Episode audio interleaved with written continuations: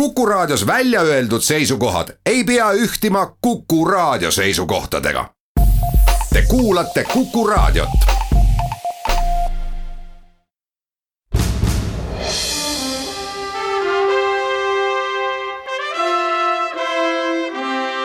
vahetund Postimehega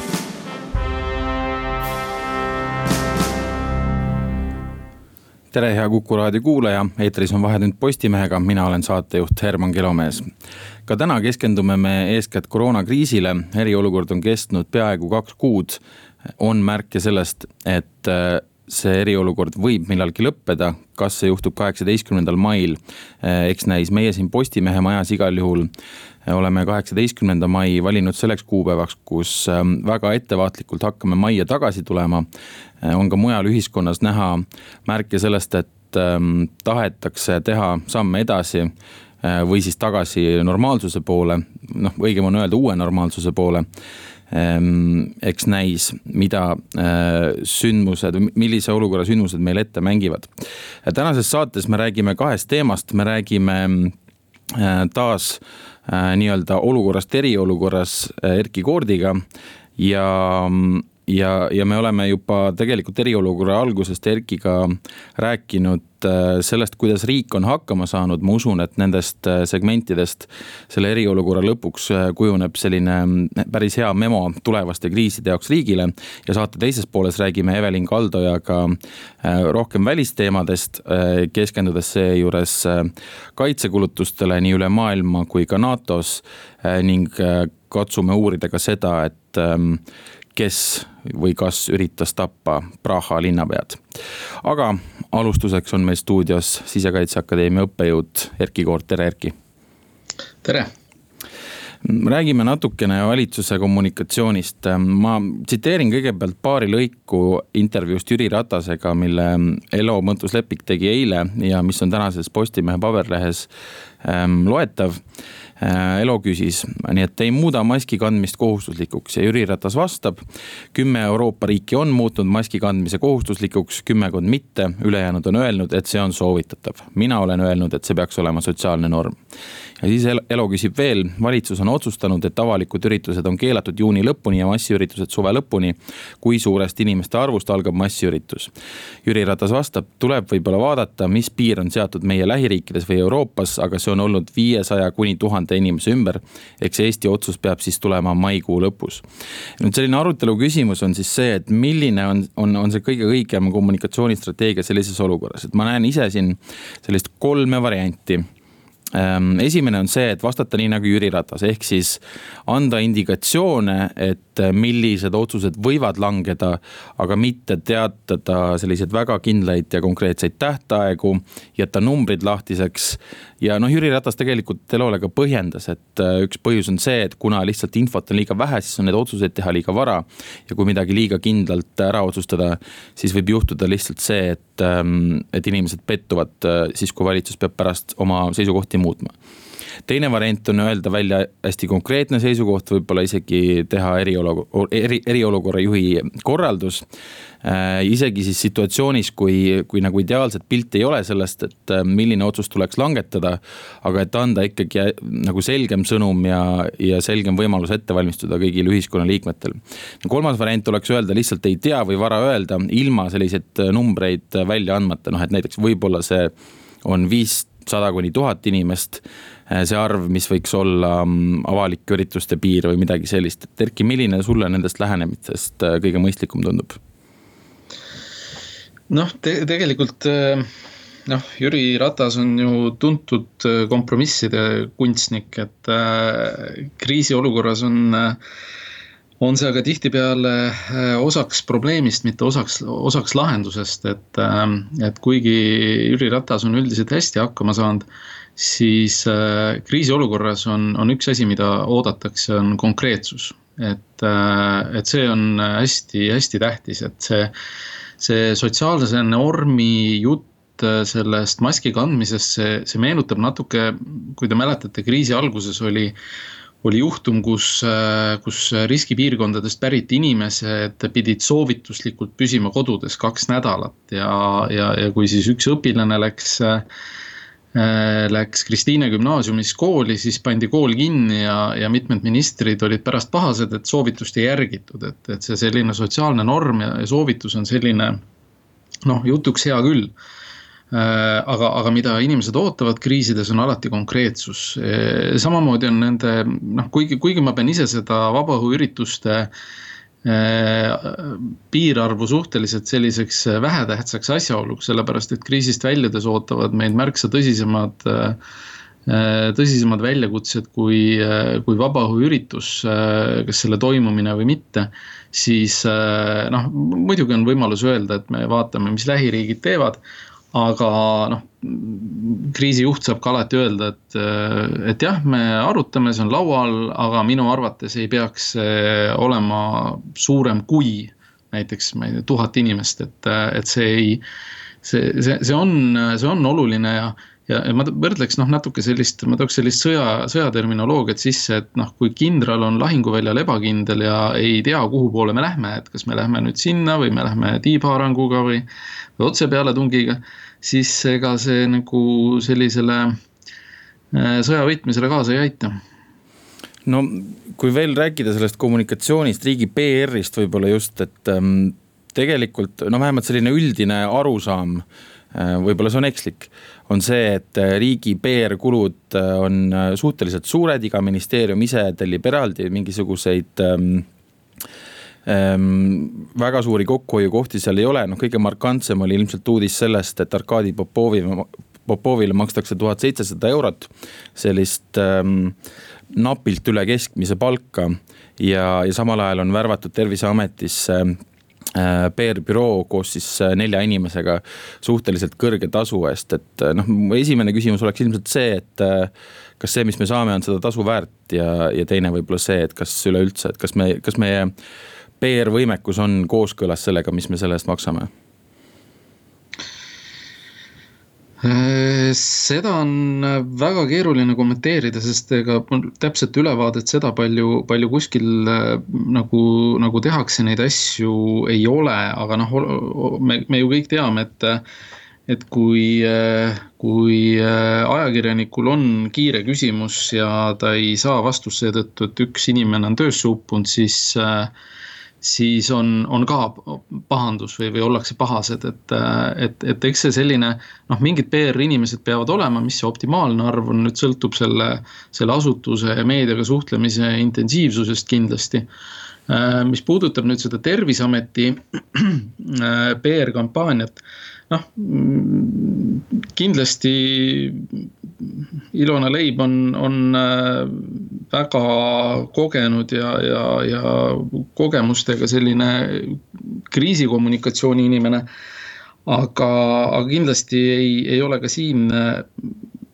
noh, ütleme, ei pruugi olla koht, kus ta, kus ta suudab imet teha ja, ja samas ega me ka ei tea, millist imet seal vaja on. sest me ju ei tea seda, milleks nad täpselt palgati, et mis on see töö mida need inimesed täpselt tegema hakkavad, äh, terviseameti PR äh, on jah, tõsi, aga milles see seisneb, et, et kui näiteks peaminister ütles, et ta ei ole terviseameti tööga rahul,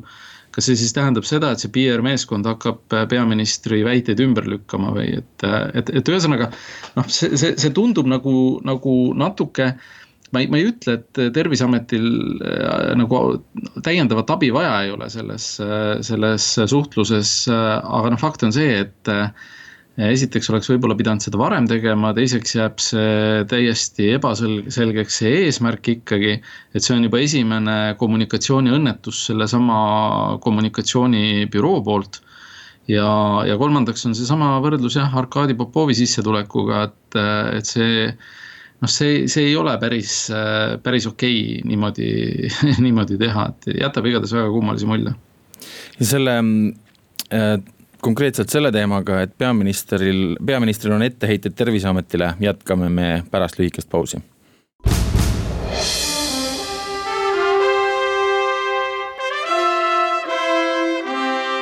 vahetund Postimehega jätkub Vahetund Postimehega, saatekülaliseks on Sisekaitseakadeemia õppejõud Erkki Koort. me rääkisime enne pausi sellest, et ähm, Postimehe esiuudis täna hommikul oli, peaministril on etteheiteid Terviseametile. no Terviseamet on pihta saanud üksjagu terve selle kriisi vältel, juba enne kriisi äh, tehtud sammude eest võib-olla teatud maha magatud otsuste eest. no kuidas võib Terviseameti töötajatele ja nende kriisi lahendajatele, kes ilmselt, ähm, kui nüüd magamine välja arvata, ähm, teevad ööpäev ringi tööd ja ja, ja, ja kindlasti ei mõju see nende motivatsioonile hästi. ja noh, mu küsimus sulle oleks, et kas ähm,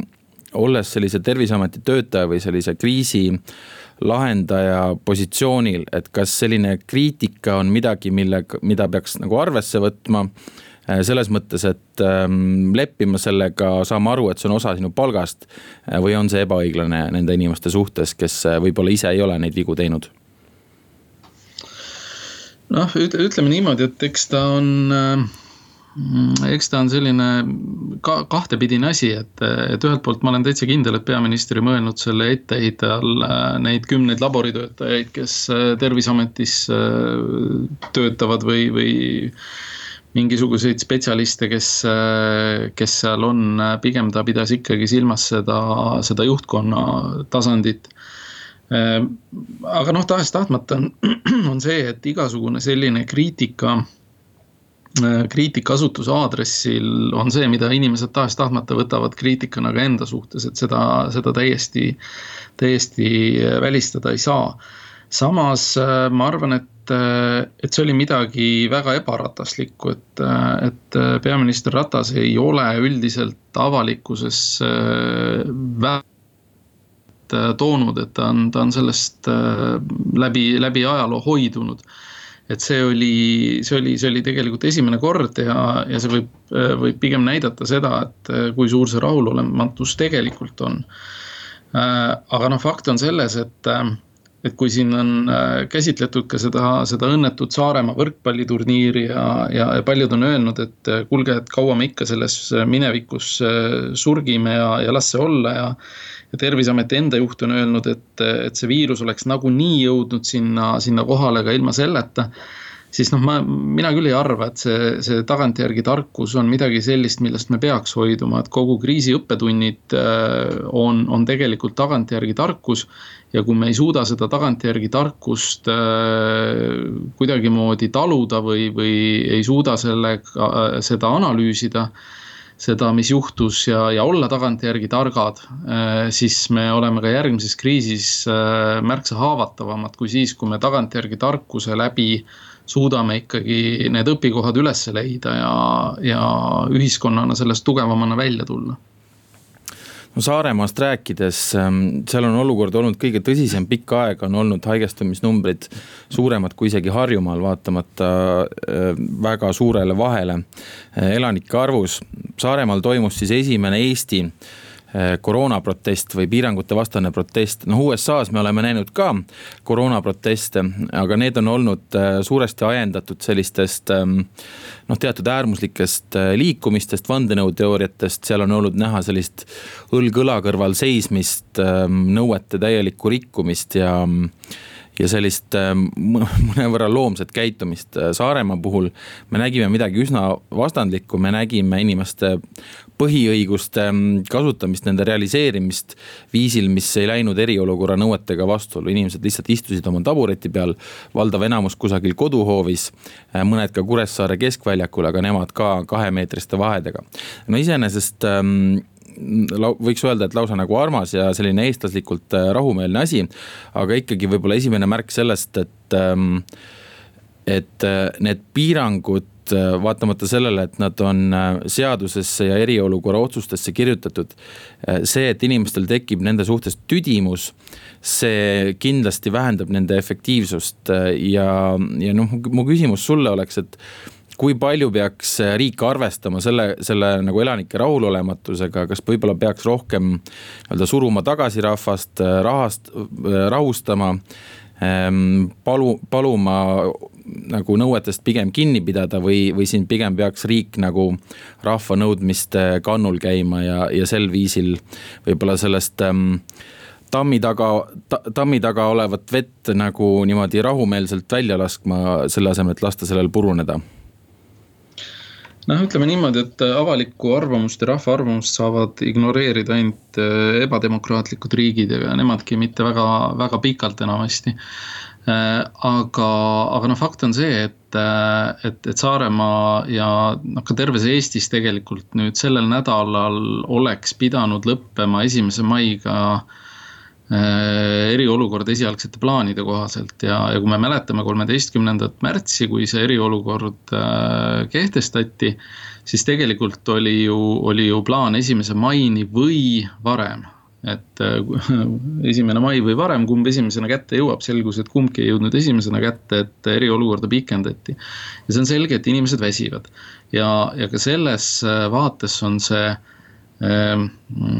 selged sõnumid ja konkreetsus nagu ülioluline. et, äh, et, et see sõnumite paljusus tegelikult on, on osaliselt tingitud ka ju erinevatest poliitilistest parteidest, kes meil valitsuses on. kes annavad välja väga erinevaid sõnumeid, äh, erinevate arvamuste väljaandmine on tavaolukorras väga okei okay aga seda, kas eriolukorda pikendatakse või ei pikendata, noh, ei peaks kuulma kuskilt, kuskilt võib-olla sellisest raadiosaatest, mis, mis ei ole noh, ütleme niimoodi, et kõige, kõige kuulatavam just, kuigi tõsi, tulenevalt sellest, et seal osalevad kaks ministrit, siis kõik Eesti, Eestis ilmselt teavad seda, seda raadiot ja seda saadet. aga,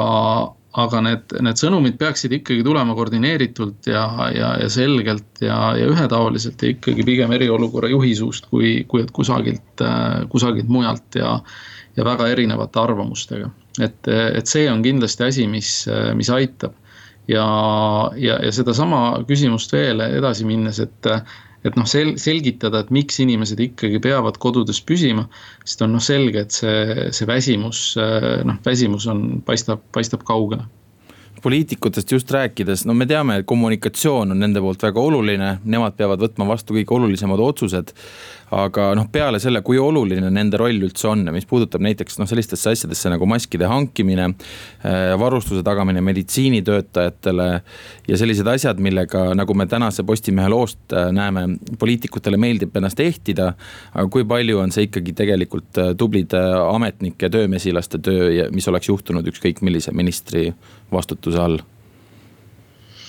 no ma arvan, et enamus sellest, mis, äh,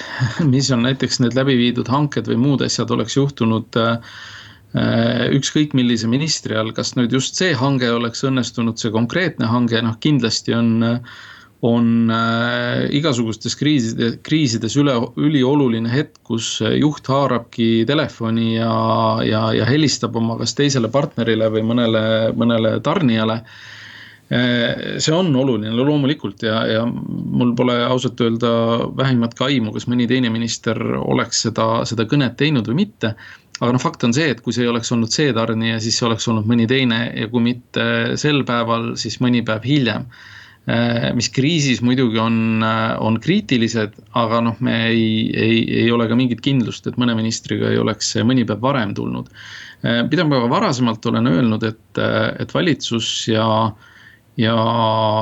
nüüd mm, äh, peaminister äh, võib-olla ei peaks tegelema väga detailsete asjadega, et, et kui ma kuulasin ka seda peaministri intervjuud Elu mõtluslepikuga, siis äh, tegelikult noh, Jüri Ratas ütles, et ta on seitse-kaheksa tundi istunud järjest koosolekutel. ja, ja on asju, mida ta lihtsalt noh, veel kuulnud ei ole, et see ei ole pigem hea märk, sellepärast et, äh, et äh, peaministri poolt oleks eelkõige ikkagi sellise strateegilise pildi hoidmine ülioluline ja, ja, ja selleks ei pea iga detailiga kursis olema, selleks on, on inimesed, kes, kellelt seda nõuda. et, et selles suhtes noh, juhtimislikult on, on ülioluline tegelikult ka kriisis äh, mitte tormata kohe ise lahendama igat, igat asja, mis, mis lauale potsatab, vaid, vaid nõuda sellelt samalt struktuurilt või, või, või minu pärast hierarhiliselt, et et see, see konkreetne probleem ära lahendataks. Erki, aitäh sulle, me läheme siit pooltunni pausile.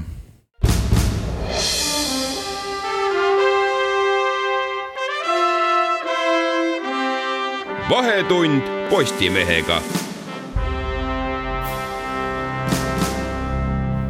jätkub Vahetund Postimehega, mina olen saatejuht Herman Kelomees ja minu saate teise poole külaline on Postimehe välisuudiste toimetuse juhataja Evelin Kaldoja, tere Evelin. tere. mul on hea meel, et esimest korda kahe kuu jooksul on mul saatekülaline päriselt stuudios. Ehm, see on ka väike märk sellest, et võib-olla see eriolukord ja pandeemia võiks hakata leevenema, loodame, et me ei ole sellega liiga vara veel alustanud. Ehm, me räägime Eveliniga suuresti kahest teemast Äh, mõlemad on nad otsapidi seotud äh, Putini ja Venemaaga, esimene võib-olla rohkem. Äh, me rändame siis Tšehhisse ja täna ilmus Postimehes uudis, kus räägitakse sellest, et Praha linnapea olevat olnud atet-, atentaadikatse või mürgitamiskatse subjekt, et noh, et see on iga paari kuu tagant juhtub midagi Venemaaga seoses, mille kohta võiks öelda, et noh, tõenäoliselt me näeme mõnda Hollywoodi filmi sellest. mis seal täpselt juhtus? Äh, no algas asi sellest või vähemalt praeguse versiooni kohaselt algas asi sellest, et siis talvel nimetas Praha selle väljaku, mis jääb nende Vene saatkonna ette või kus on siis nende Vene saatkonna tollel, tol hetkel veel oli. Vene saatkonna ametlik postiaadress äh, ümber Boriss Nemtsovi väljakuks mis peale siis Venemaa nagu ametlik reaktsioon oli see, et nad võtsid, liigutasid ära selle saatkonna postiaadressi sündmuste käik on väga selline, on, on seda nähtud ajaloos ennegi, näiteks Iraan kaheksakümnendatel nimetas äh, Briti, Teheranis Briti saatkonna eest kulgeva tänava Põhja-Iiri IRA näljastreiki ja Bobby Sandsi auks ümber. mispeale siis Briti saatkond Teheranis äh, muutis oma küljeukse põhiukseks, et nad ei peaks saama kirju Bobby Sandsi tänavale see oli siis alguspunkt ja nüüd on, äh, nüüd on äh, jõutud nii kaugele, et Praha linnapea on ööpäevaringse valve all. sest et kahtlustatakse, et Venemaalt saabunud agent üritas teda ära mürgitada. mis ei ole paraku mitte ainult Salisbury, vaid ka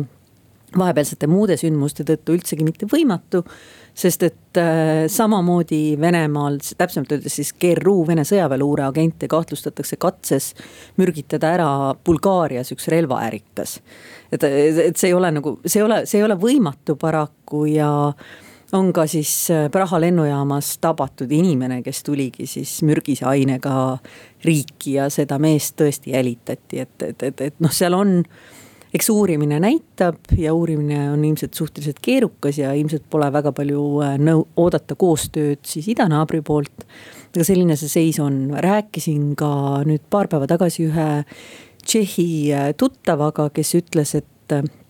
ilmselt samuti seoses selle Nemtsovi väljaku intsidendiga sattusid nende haiglad keset kõige hullemat koroonakriisi äh, Venemaalt küberrünnaku alla. et see on lihtsalt sellised asjad, mida me ei tea tõenäoliselt seetõttu, et tšehhi keel on väike keel ja see ei jõua nii kergesti suurtesse mainstream uudistesse. aga see seletab ka muuseas seda, kui meil oli nüüd paar nädalat tagasi NATO kaitseministrite kohtumine, siis kaitseminister Jüri Luik äh,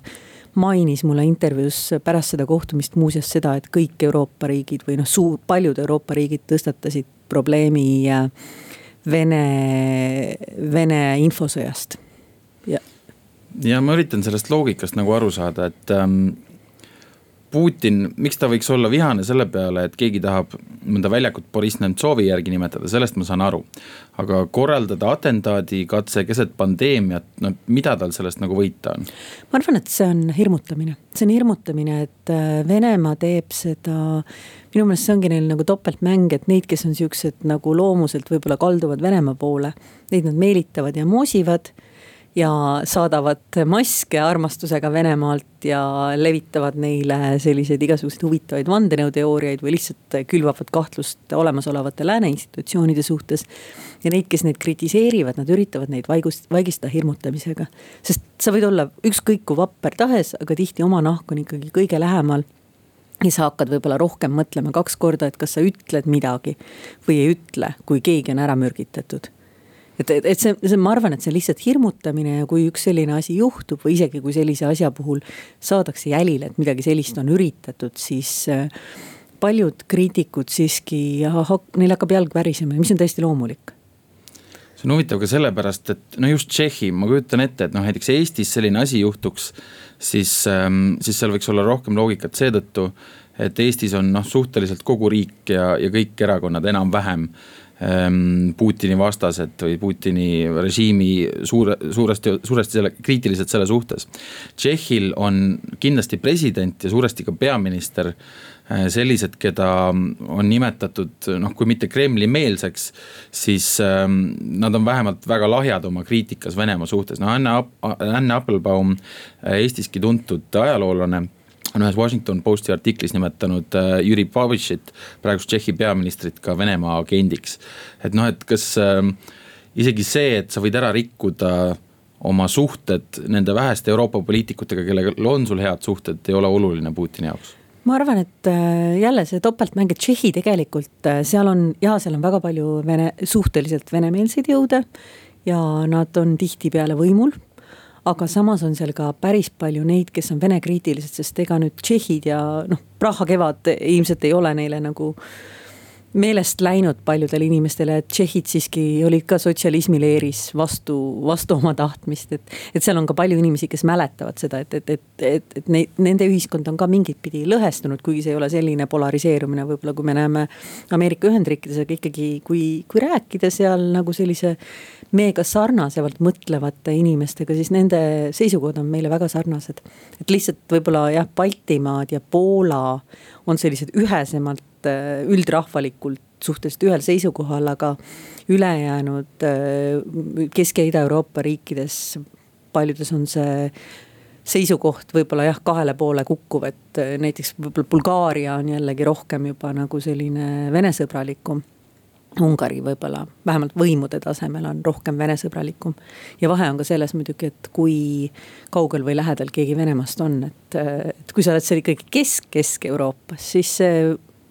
See on nagu ütles üks Sloveeni tuttav, et see on nagu ämm, et ta on täitsa tore, kui ta kaugel on, et, et. et, et ja noh, ja slaavi side muidugi, tšehhidel ka, et samamoodi slaavi side, aga aga jah, on need, kes mäletavad ja need, kes tõstatavad probleemi ja need, kes ka paljastavad desinformatsiooni sealt Kesk-Euroopast on neid, neid täpselt samamoodi, et. ma arvan, et see huvi on nende, nende mahasurumise ja vaigistamise vastu. aga nagu mm -hmm. Venemaaga tihti juhtub, siis nad kipuvad just sellistes riikides, mis on nagu kummale poole kukub, nad kipuvad endale jalga laskma, et ega nad. Kreekas ka näiteks olid ju, Kreeka oli ka nendele suhteliselt Äh, sõbralik, see ortodoksi side ja palju Vene investeeringuid ja turismi. aga siis ja siis, kui toimus Salisbury rünnak Inglismaal, siis Kreeka oli üks väheseid, kes ei saatnud välja Vene diplomaate NATO maadest. ja need toitu, noh, ma ei tea, kas toitukesed on võib-olla natuke liiga eufemismina öeldud, aga Venemaa suutis hakkama saada sellega, et ta ei saanud leppida sellega, et Põhja-Makedoonia nimetüli lahendatakse. ja ta üritas ikkagi tüli uuesti üles keerata oma agentidega. ja selle peale Kreeka kannatus katkes ja selle peale nagu Kreeka-Vene suhted ikkagi minu meelest polegi päris hästi enam nagu taastunud sellele tasemele, mis nad enne olid. arvestades seda, mis me oleme just rääkinud ja ka seda, et nafta hind on vabalanguses ka seda, et Venemaal on Putini populaarsus äh, ilmselt väiksem, kui ta on olnud äh, mõnda aega, noh, igal juhul on üks selline ülevenemaaline avaliku uurimuse keskus, mis tegelikult on riigi poolt rahastatud, äh, kes siis küsib äh, noh, palub nimetada poliitikuid, keda nad usaldavad, Putinit mainitakse äh, kahekümne kaheksa protsendi vastajate puhul, noh, kõik need asjad mulle tundub, lubavad teha järelduse, et Venemaa on pigem ohtlik, veel ohtlikum, kui ta on olnud siin viimastel aastatel. tõenäoliselt jah, väike, väike, väike sihuke välismaine aktsioon, mis juhib inimeste tähelepanu ära välismaale. see kindlasti töötab kohalike võimude kasuks, samamoodi nagu selle Itaalia armastusega Venemaalt äh, kaitsevarustuse ja luurajate saatmise missiooni puhul räägitakse ju sellest, et äh, üks eesmärke oli ka see, et näidata, et kuidas seal läänes on kõik, kõik täiesti metsa läinud mitte, mitte ainult see, et sa nagu külvad Itaalia avalikkuses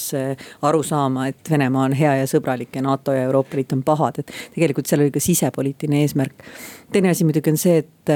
inimesed võivad mitte usaldada Putinit, aga kui see režiim on nende ümber selline, nagu ta on siis ma arvan, paljud inimesed taanduvad lihtsalt apaatiasse, see ei tähenda, et nad läheksid kohe Putinit kui suured revolutsionäärid kukutama ja see on igati sobiv üleminek kaitsekulude teemasse, jõuame sinna pärast lühikest pausi.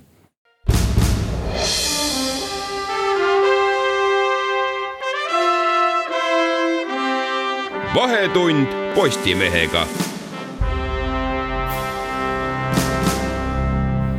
jätkub Vahetund Postimehega, stuudios on Postimehe ajakirjanikud Evelin Kaldo ja, ja Herman Kelomees. me räägime kaitsekulutustest mitte ainult NATO kontekstis, vaid ülemaailmselt. Evelin kirjutas tänases Postimehes, et need on vähemalt enne pandeemiat olnud ähm, tõusujoones.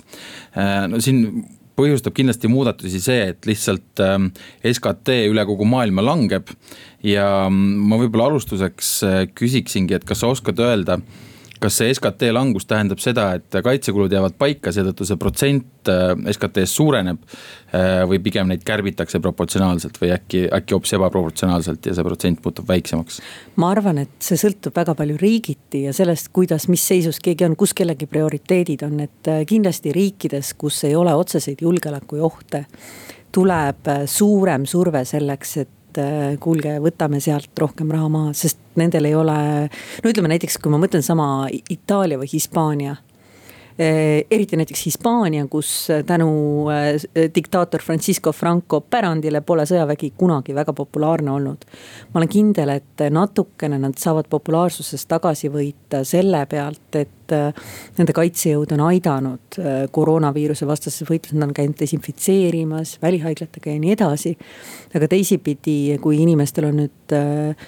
küsimus selles, et kas anda midagi juurde haiglatele ja osta juurde selliseid kriisivarusid, siis ilmselgelt see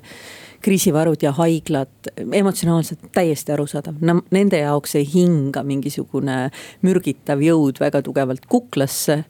ja samal ajal äh, nad, nad on saanud selle kõige hullema kriisi endale näkku.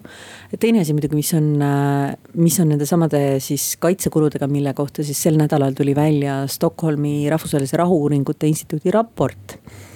äh, see, et nad on praegu kümnendi kõrgemal tasemel või olid eelmisel aastal äh, ja ka selle aastastes eelarvetes veel praeguse seisuga ju ilmselt seisavad seal. see tähendab, et tegelikult on neil äh, kõrge positsioon, kust läbirääkimisi pidama hakata ja ma olen kindel, et ka kaitseriikides, kus äh, kaitsejõud on populaarsemad, tuleb sealt ka kindlasti palju selliseid dramaatilisi uudiseid, ma tean juba, kuidas see anatoomia toimub näiteks brittide puhul. seal on mõned, mõne aja, ajalehe kaitsekorrespondendid, kes siis varsti hakkavad kirjutama dramaatilisi lugusid sellest, kuidas eh, erukindral see ja see ütleb, et meil on täiesti, kõik on täiesti halb ja me oleme täiesti võimetud ja abitud ja. me ei tohi seda lennukikandjat eh, kärpida, me ei tohi seda ja seda teha ja see kõik on väga halb et, et see kindlasti see, need, me hakkame neid asju nägema, kindlasti nad püüavad ennast ilmselt lahti siduda sellest tervishoiukriisist, mis on ka loomulik, on ju ja siis äh, seista enda eest, aga see koht, kust nad alustavad, on tegelikult äh, tugev positsioon meie huvides võiks olla võimalikult tugev NATO, eks, ja mulle tundub, et see, see, et need riigid, kellel selline akuutne oht või vahetu oht on väiksem. et nemad võivad tõenäolisemalt kärpida, et see on pigem halb uudis, sellepärast et äh, enamus NATO riike on ilmselt sellised, kes ei noh, kes otsesõnu ei ole Venemaa piiri ääres, kellel seda, kellel see oht ei ole nii suur. see tähendab, kas me peaksime muretsema? Mina muretseksin kõige rohkem NATO kõige suurema panustaja Ameerika Ühendriikide pärast, seal on see koroonakriis ikkagi, ta on reaalselt äh, minu meelest vist juba, kas, kas on jõutud või äh, jõu-, ollakse jõudmas selleni, et see on nõudnud rohkem ohvreid kui kogu Vietnami sõda. ja inimestel on äh, ja majandussurutis on juba hullem kui suure depressiooni tulemusel. Mis tähendab seda, et inimestel on selgelt sotsiaalsed probleemid suuremad, riigil on vähem raha sest inimesed maksavad vähem äh, makse. ja ilmselt ameeriklased tõstatavad rohkem ka küsimust sellest, et miks nendel ei ole tervishoid selline nagu eurooplastel, see on tegelikult läbi ajaloo käinud. ameeriklased on küsinud, et miks nende tervishoid ei ole selline nagu eurooplastel, miks me, miks me maksame kinni eurooplaste kaitse ja samal ajal ise sureme sureme ravitavatesse haigustesse või lähme pankrotti, kui on tõsisem haigus, et, et ma arvan, et see, see kerkib uuesti üles rohkem ja see on mingit pidi ka nagu rahvatervislikult õigustatud, sellepärast et kui sul on universaalne tervishoiukate, siis inimene läheb suurema tõenäosusega kohe, kui tal veidike halb on, ikkagi äh, pöördub meditsiini poole. Äh, meditsiinisüsteemi poole, kui inimene on mingisuguse väga imeliku erakindlustusega, kus ta täpselt ei tea, mis talle makstakse kinni või tal ei ole seda kindlustust üldse, siis tõenäoliselt ta püüab äh, viimase hetkeni arstida sellega, millega vähegi käepäraselt ennast arstida saab, mis omakorda ei ole võib-olla rahvatervislikult või kui tal ei ole näiteks tervisekindlustust selles mõttes, et ta ei saa koju haiguslehele jääda. mis tähendab mm, -hmm. et juba meilgi nagu see, et esimese kolme päeva maksmise küsimus tegelikult oli otsustav, aga kui sa üldse ei saa mingit ravi nagu hüvitist äh, selle eest, et sa haiguspäeval oled, siis tõenäoliselt sa ikkagi viimase vindi peal vead ennast tööle, sest sa pead elama no me kirjutame täna juhtkirjas äh, sellest meie enda kahe protsendi, kahest protsendist kinnihoidmist ja sellest, et me oleme sellest isegi üle olnud. kiidame ennast, tunneme heameelt selle üle, peame seda enda visiitkaardiks. Äh, kas see tegelikult paistab nii ka meie liitlastele välja? no ma arvan, et see kaks protsenti numbrina niimoodi, et see on ilus asi, mida me peaksime hoidma lihtsalt see fassaadina et, et me oleme korralikud, me täidame oma kohustused enda poolt ära. teine asi on muidugi see, et äh, rääkides siin SIPRi või Stockholmi Rahu-uuringute Instituudi äh, raporti kõrval ka raportist, otsisin välja oma laua pealt suurepärase paksu teise militaarse tasakaalu analüüsi, Military Balance kaks tuhat kakskümmend. mida teeb Londonis rahvusvaheline strateegiliste uuringute instituut ja mis tuli juba veebruaris välja. sealt Eesti kohta käiva kirjelduse, põhimõtteliselt see ütleb, et me oleme tugevalt sõltu-, oma julgeolekus me sõltume NATO-st, meil on mõned nišivõimekused nagu küber äh,. laevad või siis äh, relvatööstuslikult me suudame lisaks küberile sõjatööstuslikult lisaks küberile pakkuda ka laevade remontimise võimekust ja et me oleme siuksed äh, üsna väiksed ja abitud ehk siis äh, tegelikult meil ei ole juba ka praegu selle kahe, kuna me ei ole ka maailma kõige rikkam riik, kuigi me oleme kindlasti juba nagu sellises jõukamas otsas äh, meie SKT on väike, ehk siis sellest ka see protsent, kaks protsenti, kaks koma üks protsenti on tegelikult suhteliselt väike. et e-, ega isegi kaitseminister, meie kaitseminister Luik oli suhteliselt ettevaatlik, kui ma küsisin, et kuidas meil selle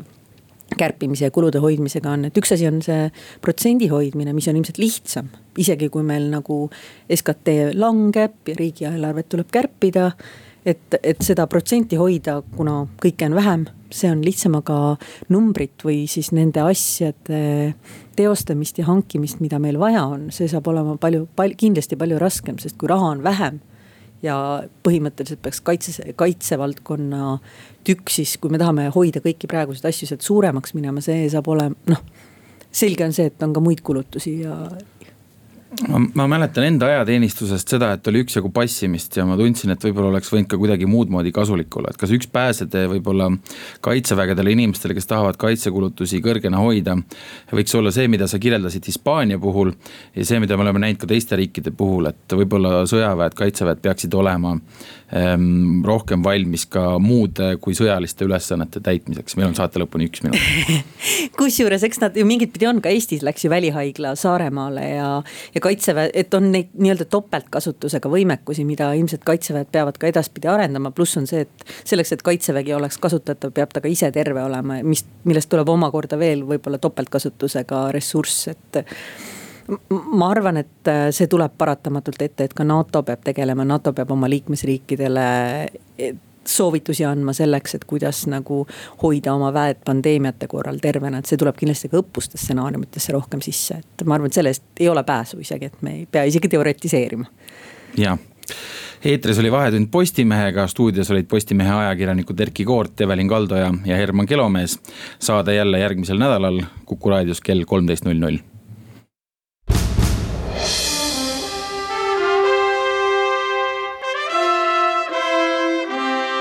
vahetund Postimehega